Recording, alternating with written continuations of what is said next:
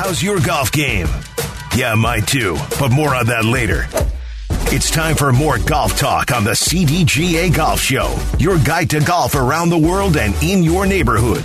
The CDGA Golf Show on ESPN 1000. Now, here are your hosts, Mike Gilligan and Tyler Rocky.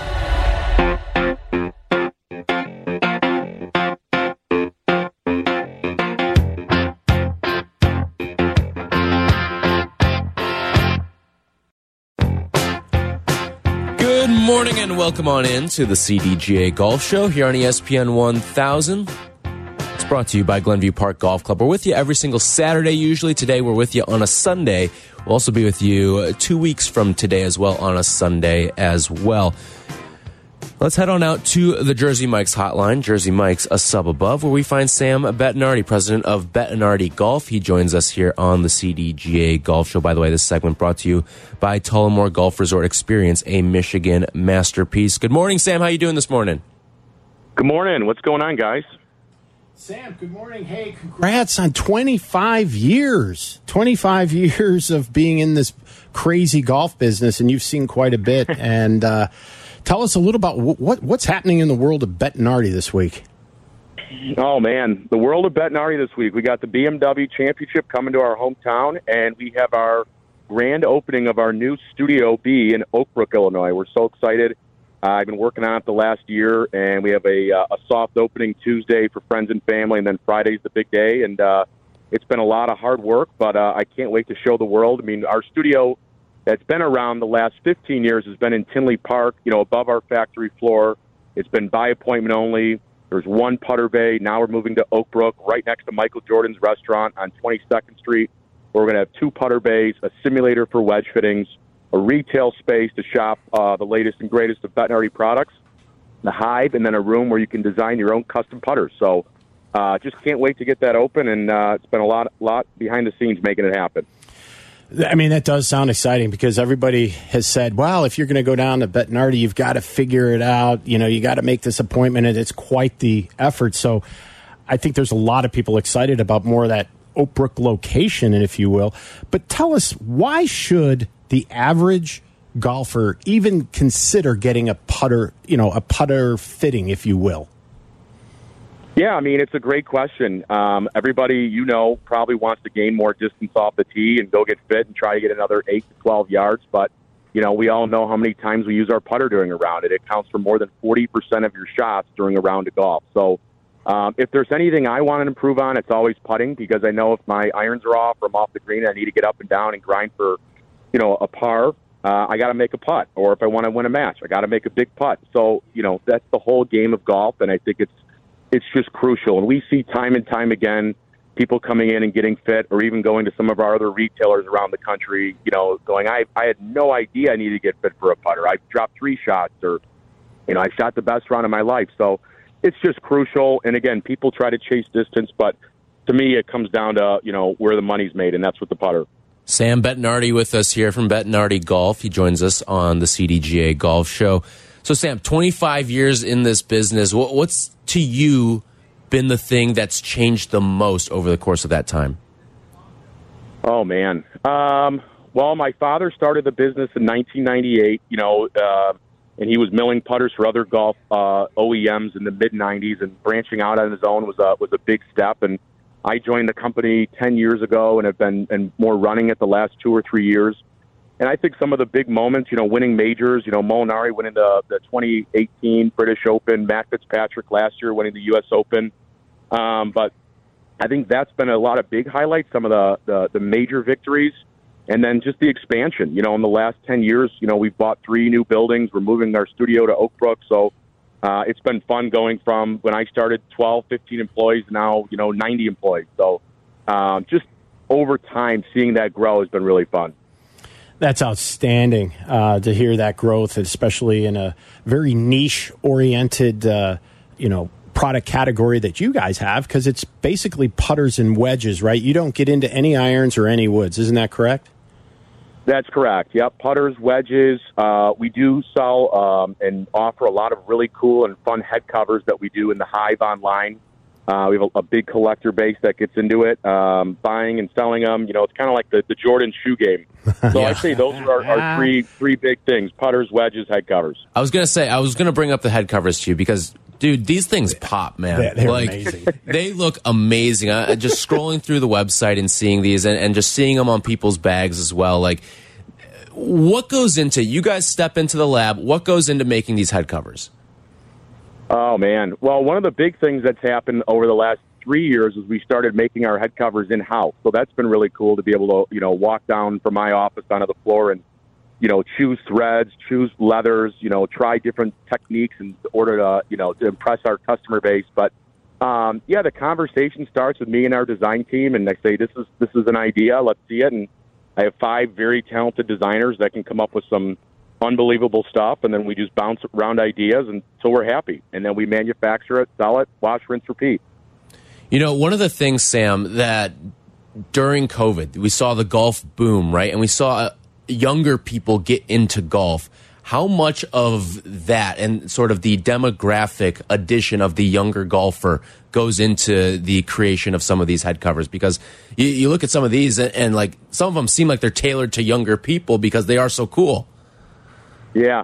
Well, my dad's he's uh, just turned 63. I'm 33, so I'm trying to cater to a little bit more of my demographic in terms of what I think's cool, different colorways, different art that we're putting on the product, and with our production line of putters that are 400 to 450 dollars, they're very classic, they're very timeless, and then people and golfers of all ages, for that matter, they want flair on their golf bag. They don't want to look like everybody else that comes with the stock head cover from the OEM.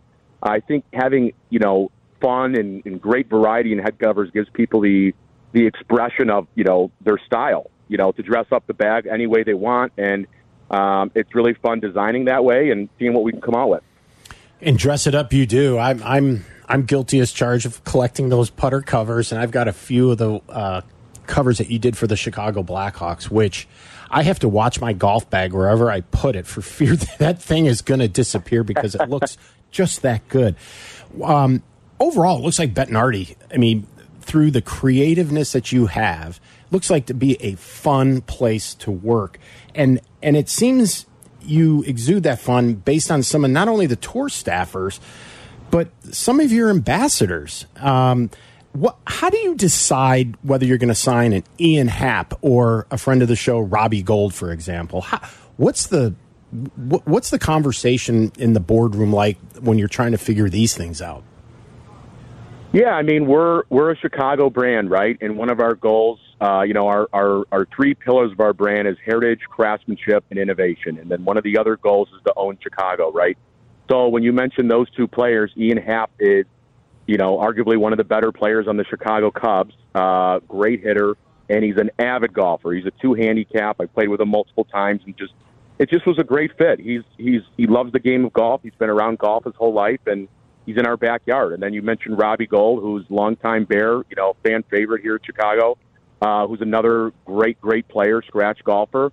And uh, we're looking for people that are great players that fit the Bettinardi brand. There's another guy on there, Michael Pena, who's born and raised in Chicago. He went to Marist High School, and he made it big in acting. And again, we love people with those Chicago roots and, and trying to, you know, pull together for the Bettinardi name. Well, you mentioned Matt Fitzpatrick. Um, I'm sure recruiting his brother was probably an easy recruit, or was it? Actually, it was not that easy. Uh, I remember the conversation. That's funny. We signed him this year, and he was in college. And I remember asking Matt, I go, Matt, your brother is number two amateur in the world. You know, can you put in a good word for me? And he goes, Sam, you know, my brother's going to make his own equipment decision. Sorry. I'm like, oh gosh, you know. So we got to work at this thing a little bit. So we ended up making him some putters, and he fell in love. And obviously, with the success his brother had, uh, he knew that you know we can make anything. Right. The the fun part about what we did for his brother Matt is he was using a putter, uh, a Yes putter that is a dead brand. There is no more Yes putters; they're Oh, out of right. business. So I remember he told me um, he was buying putters off eBay. And I'm like, why in the world are you buying your putters off eBay? Why don't you just come to us and we'll make you something that's nearly identical to what you've been using since you were a kid? We did that, and the rest is history. But uh, we love the Fitzpatrick's, great, great family. Uh, Alex finally, you know, broke through, finished top 20 at the British Open a few weeks ago, and just won on the Challenge Tour last week. So uh, he's a great, great player and something to watch in the future. So back to getting the average person fit. So, what, in your opinion, what are the most common changes or people's faults in their putter? What, like, what's the biggest takeaway that most average players realize after they go through a comprehensive Bettinardi fitting? What are they taking away in most cases that they've learned? Sure. Um, I, I mean, the three things that we fit for, right, are length, lie, and loft. And I think a lot of people come in with the wrong length putter, right? They'll buy it off the rack or they'll get it at their pro shop, and it's typically 35 inches, where a lot of people usually are less. Let's say 34 and a half, 34, and that's why fitting is so important. Another big thing I hear all the time is people have been using the wrong putter for a their whole life or many years, where they've been using a blade and then they should be in a mallet, or they're a mallet person, they should be in a blade because that is based on toe hang, right? So if your putting stroke is more straight back, straight through, we're trying to get them into something that's more face balanced, where if they have more arc in their stroke, we're trying to find a putter that has toe hang. So with that being said, I think just coming in, seeing the studio, again, going to one of our retailers, you know, we're in many accounts all over the Chicagoland area. Just get fit. It's, it's so important, and uh, I think a lot of people will be will be shocked or uh, just you know blown away at what the results would be after a proper fitting. Yeah, and to your point about a proper fitting, one thing I learned was grip size. I did not realize how much your grip can actually change your stroke. It can, yeah. I mean, obviously, Super Stroke's been super popular the last five, seven years uh, with the oversized grips. But if people want a little bit more, you know, quiet in their hands, they go bigger. If they want to have a little bit more feel, they go more traditional. So all those things. I mean, when we're fitting two guys, we ask people to find a putter. We start out the whole fitting with find a putter that looks good to your eyes, right? And we never give lessons because we know that people are always going to go back to their natural tendency. And if they find a putter that looks good to their eyes, when they're on the green standing over a five foot crucial putt, they need to have confidence. So it starts with finding something that looks good to you. And if it looks good to you, you're going to feel good while you're putting. And then if you know you have the proper specs dialed into your putter, you're going to make more putts It's pretty simple. And speaking of changes in putters, Scotty and Rory are big time in the news this week, and I wanted to ask you your opinion: mallet versus blade. When should somebody putt with a mallet? When should somebody putt with a blade? In your opinion? Um, I'm going to just say the same thing. It goes back to looks. Um, I putted. I mean, I switched putters probably more than I'd like to admit. Uh, my whole life, having you know the uh, the candy store at my access to change, but I'm a I'm a mallet guy. I go back to mallets because to me, I have more confidence with that that larger head and that more material in the flange versus a blade is a little skinny to me. And although I think blades are beautiful and they're gorgeous, I'd love to putt with one. I I just can't do it. So it goes back to looks and it goes back to what looks really good to me and what what do I feel most confident. And it's funny you even brought up Rory. I remember we saw him at the U.S. Open and he mentioned he's he's done with the blade. Um, he just doesn't have the confidence in the blade. And again, going back to when we won the 2018 British Open with Molinari, he was using a mallet most of the year. He came into Studio B, left with a blade, our BB0, and he changed the alignment from a flange line to a dot on the top. And he went on fire and he won the Quicken Loans and second at the John Deere and the Open, 5 0 at the Ryder Cup.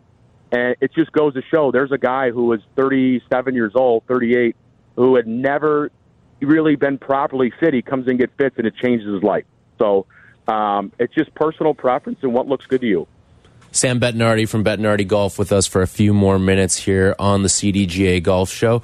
So, Sam, you, have got the retail store opening up this week. Uh, you've got the best uh, head covers in the game right now. Like, what's next for Bettinardi Golf?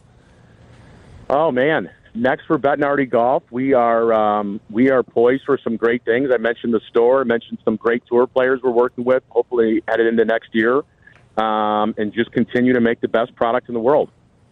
Awesome. Well, appreciate you spending some time with us here, and best of luck moving forward. And we're looking forward to see more of your head covers and, and your uh, putters and wedges in people's bags. And hopefully, somebody wins at Olympia Fields with one. Hey, we got a good history there. We won, a, we won uh, a nice major there in 03, so yes, you did. 20 years later, it'd be nice. Well, best of luck to you there. Sam Bettinardi from Bettinardi Golf with us on the Jersey Mike's hotline. Jersey Mike's a sub above. When we come back, I do want to talk to you, Mike, because we've we've mentioned the could we see a, a split now between LIV and the PGA Tour? Everything se so, seemed like it was good, all good. There was going to be a partnership, but is that partnership concrete? We'll talk about that when we come back. This segment brought to you by Tullamore Golf Resort, up North Michigan Golf without the drive. This is the CDGA Golf Show, presented by Glenview Park Golf Club, ESPN 1000, 100.3 HD2, and the ESPN Chicago app. Welcome into the CDGA Golf Show on ESPN 1000. Presented by Glenview Park Golf Club. Here's your hosts, Mike Gilligan and Tyler Rocky.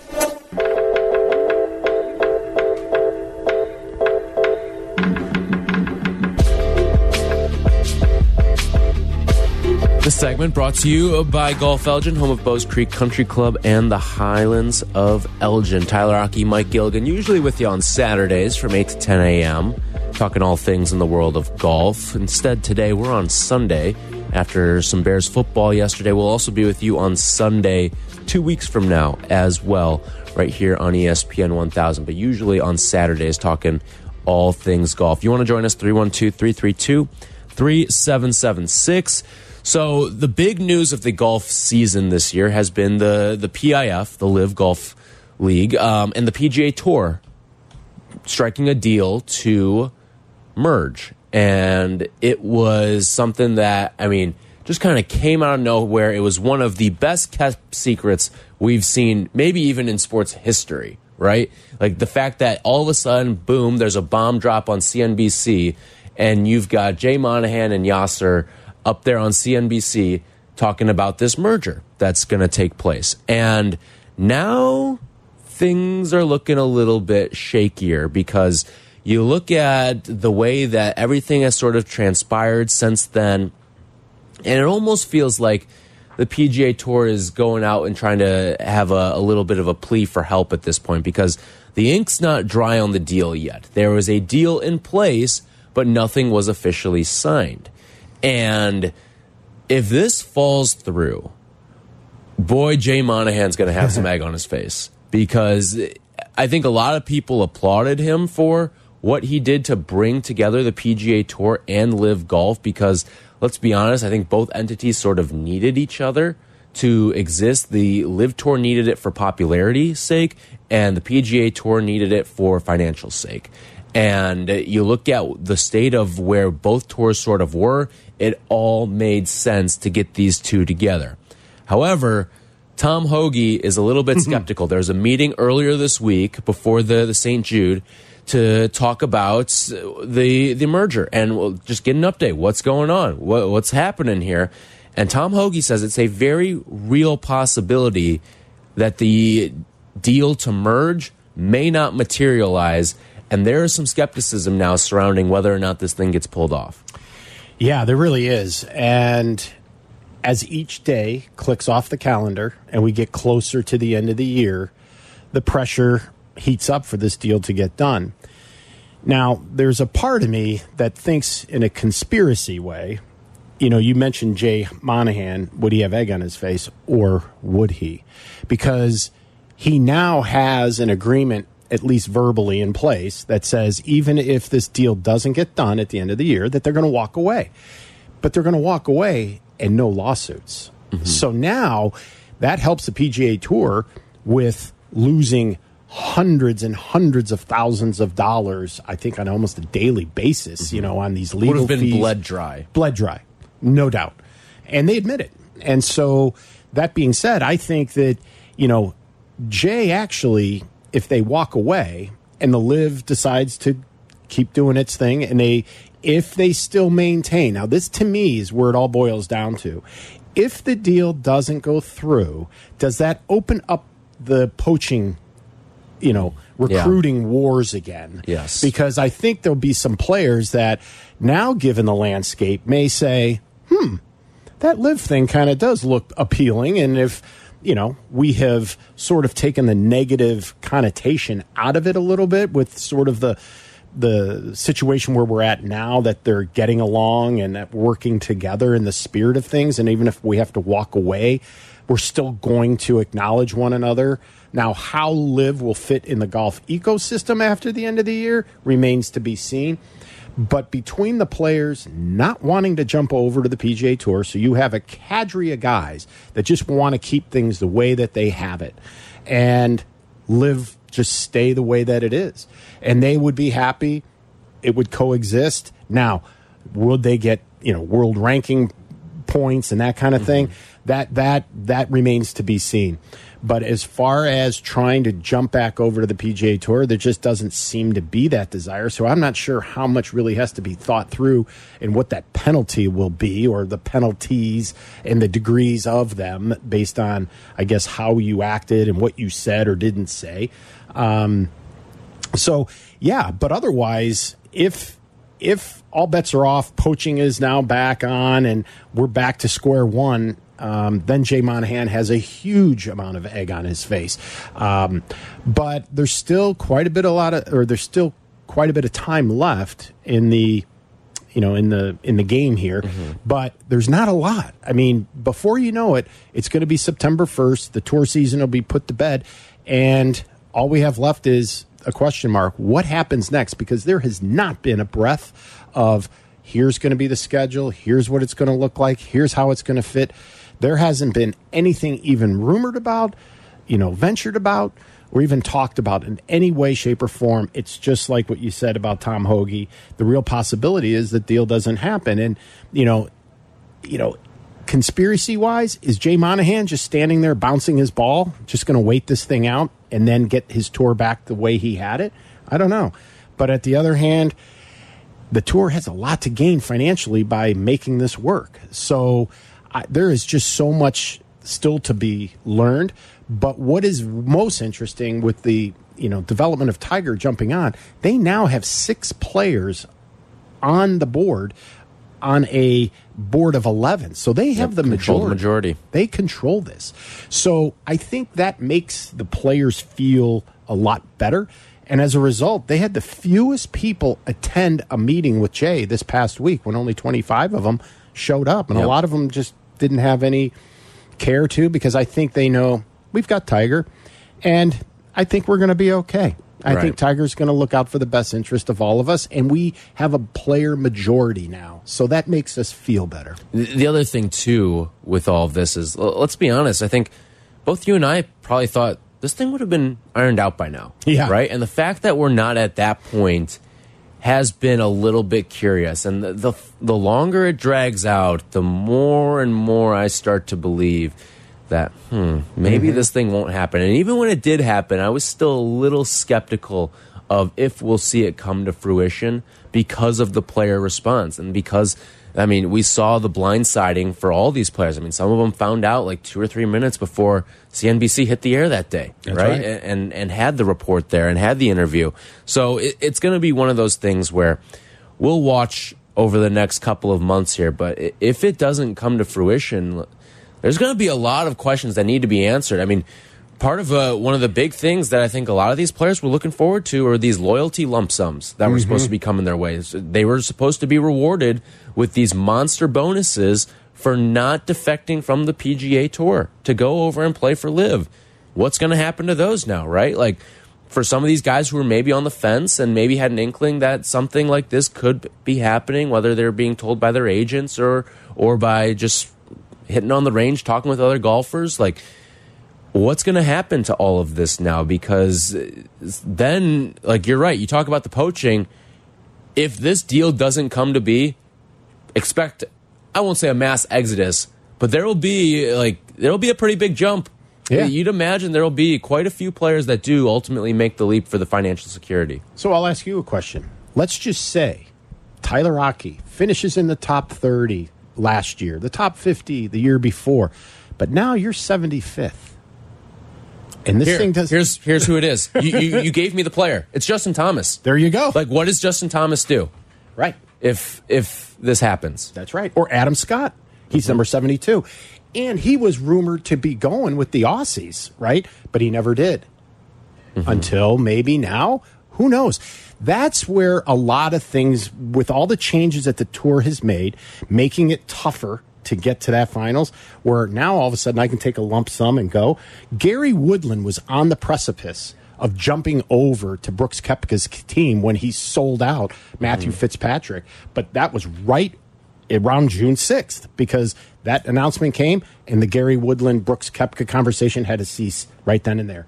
And he was with an eyelash of jumping over. And so, how many other guys are thinking now, going, you know what? I should have. And especially if they don't pay these guys those lump sums, I mean, there's going to be a lot of people are going to rethink, you know, their their position on this whole thing for sure. Here's another name for you. What about Will Zalatoris? Guy who's dealt with guy. a lot of injuries That's this season. We really haven't seen him this year. That's right. Um, that's another guy. And he didn't have to make the jump this year. He kind of could sit on the sidelines because he's been nursing an injury all, all season long, pretty much.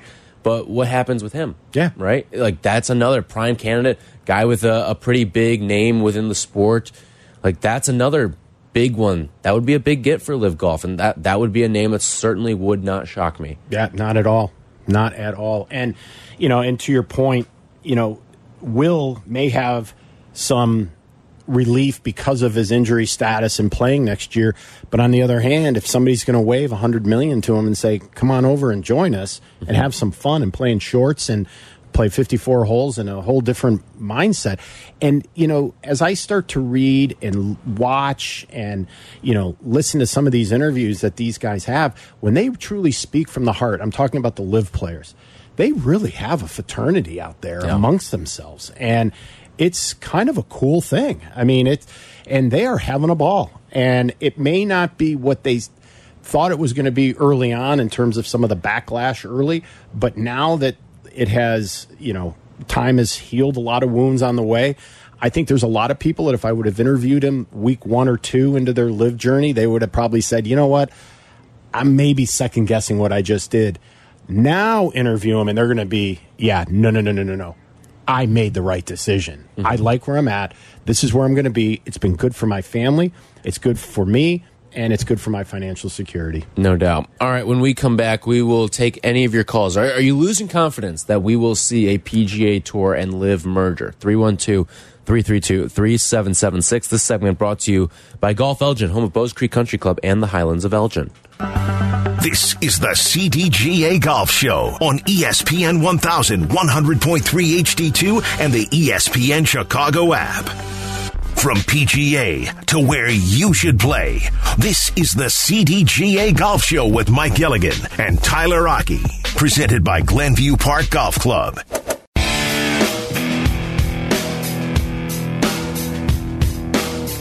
This segment brought to you by PGA Tour Superstore. Visit any of our three Chicagoland locations today.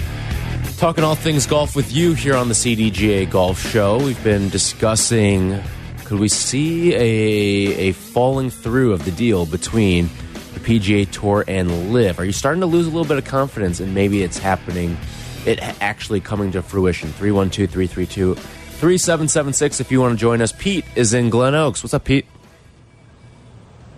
Hi, guys. Um, I was at a restaurant in Martha's Vineyard the other day, and Peter Jacobsen was at the table next to him. And I just asked him, I said, Do you think JT should get a new swing coach? And he said, He's been with his father too long. He didn't think he would. I'm just wondering, what is what are your guys' thoughts on JT getting a new swing coach? Well, personally, JT has had that relationship with his dad, and I think it's one that has treated him well. I just think that JT's issue becomes more with the with the putter than it is more with the iron game. Um, although, you know, any change for a guy like him could be a good change, um, but I think for him to quasi divorce his father, I think it would be, hey, why don't we get another opinion in here versus just saying, I'm going to drop you as my coach and go solely with another player.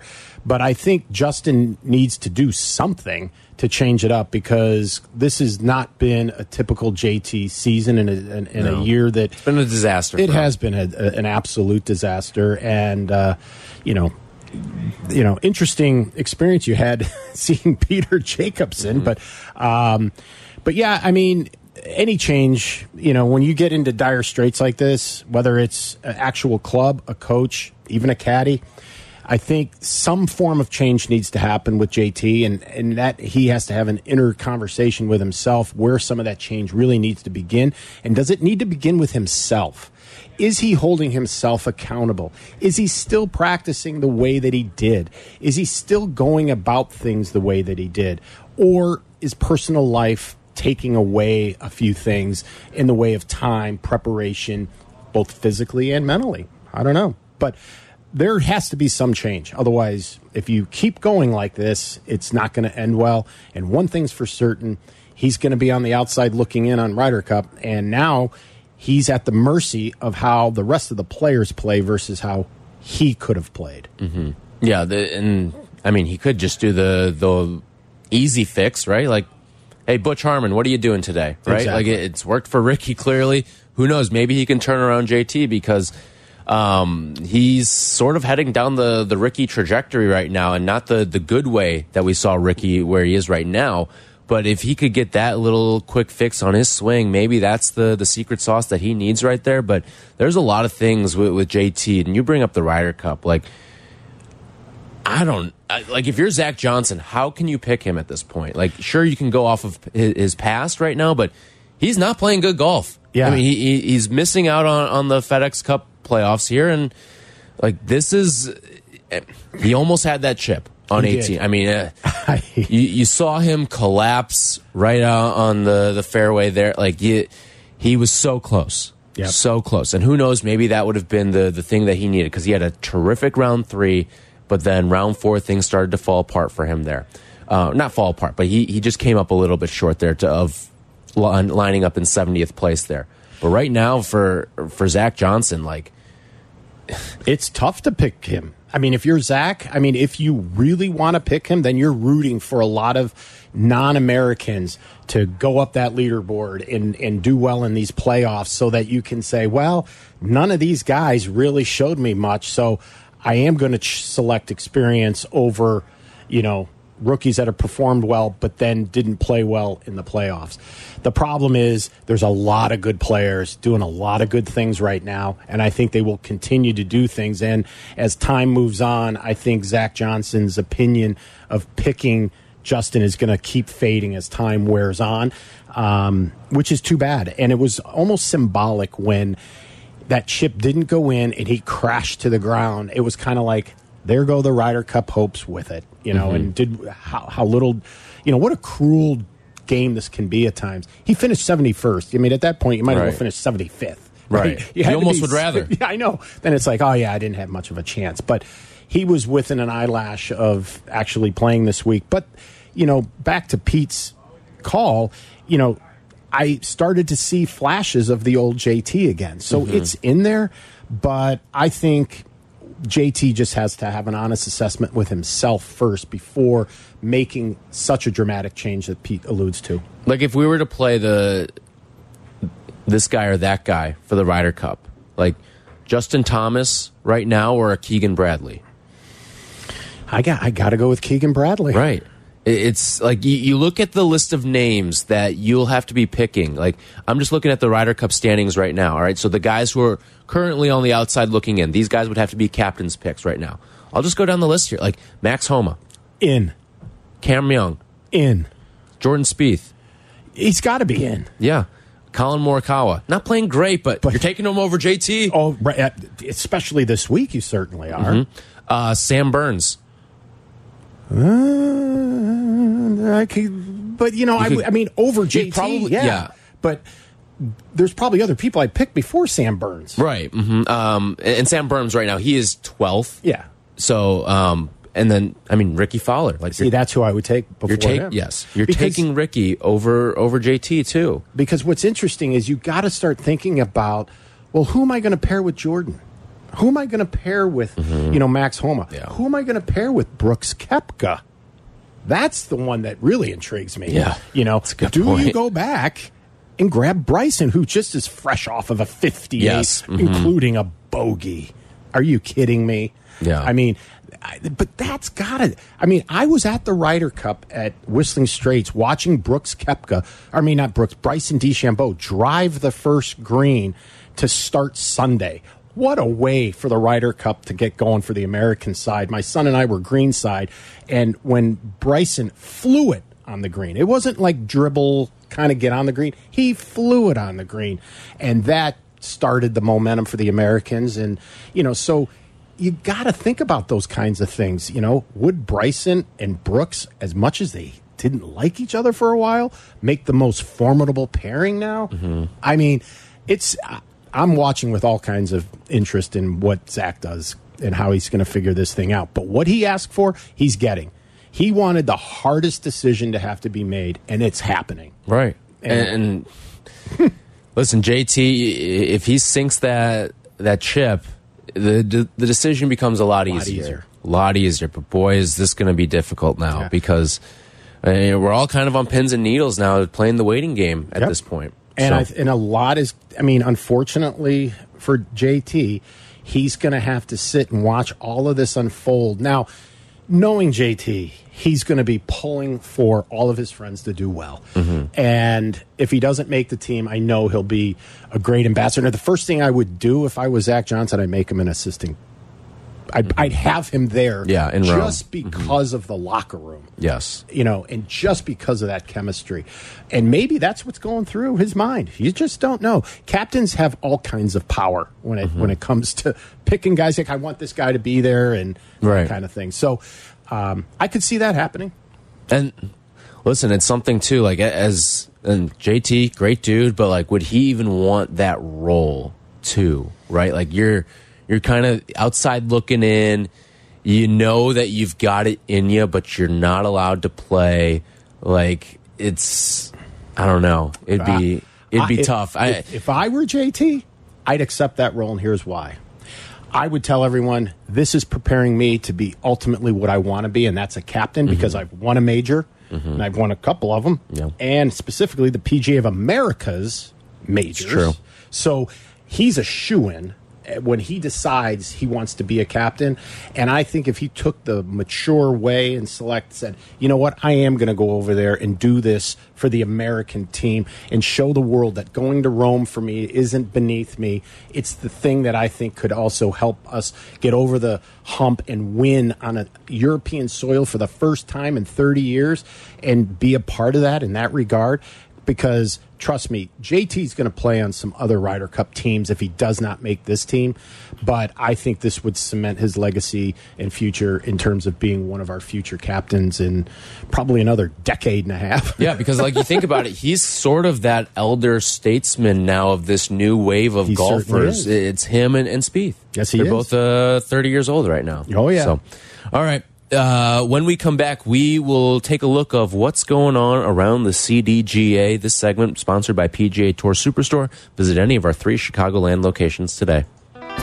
This is the CDGA Golf Show on ESPN 1100.3 HD2 and the ESPN Chicago app. Golf is on your mind and on the air right now. This is the CDGA Golf Show on ESPN 1100.3 HD2 and the ESPN Chicago app. Presented by Glenview Park Golf Club.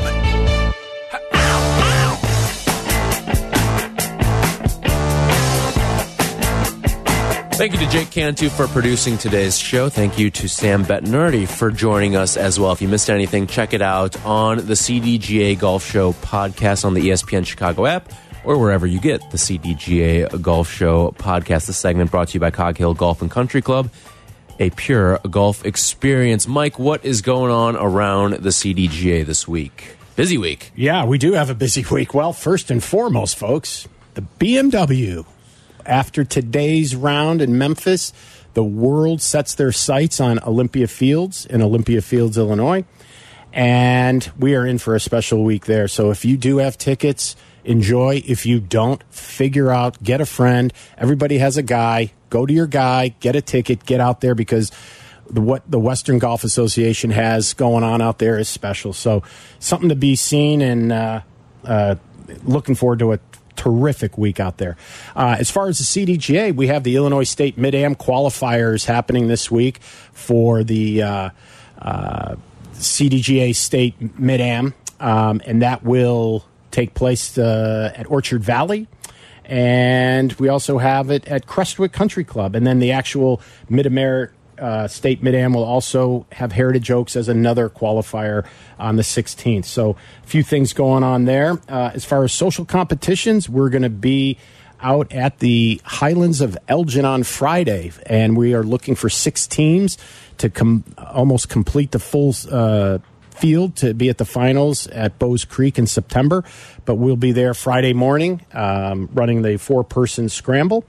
And then aside from that, uh, CDGA's got some amazing deals going on with some of our uh, partner clubs. Um, Sunset Valley up in uh, Highland Park. If you're up that way, receive a special twosome rate of $110 with a cart, and that offer is valid Monday to Thursday after 1 o'clock. If you are in the western suburbs, Bloomingdale, uh, you can get community card rates all day if you're a CDGA member, Tuesday through Friday and after 11 on the weekend. And then Bowes Creek, you can enjoy uh, an 18 hole round of golf with a cart for $59 Monday through Wednesday before noon. And if you've never been out to Bowes Creek, again, that's going to be the site of the finals for our four person scramble where people will win trips to uh, French Lick. But that place, you can be a member for a day out that way. It is worth the drive out to Elgin for sure. Um, golf Shop Spotlight.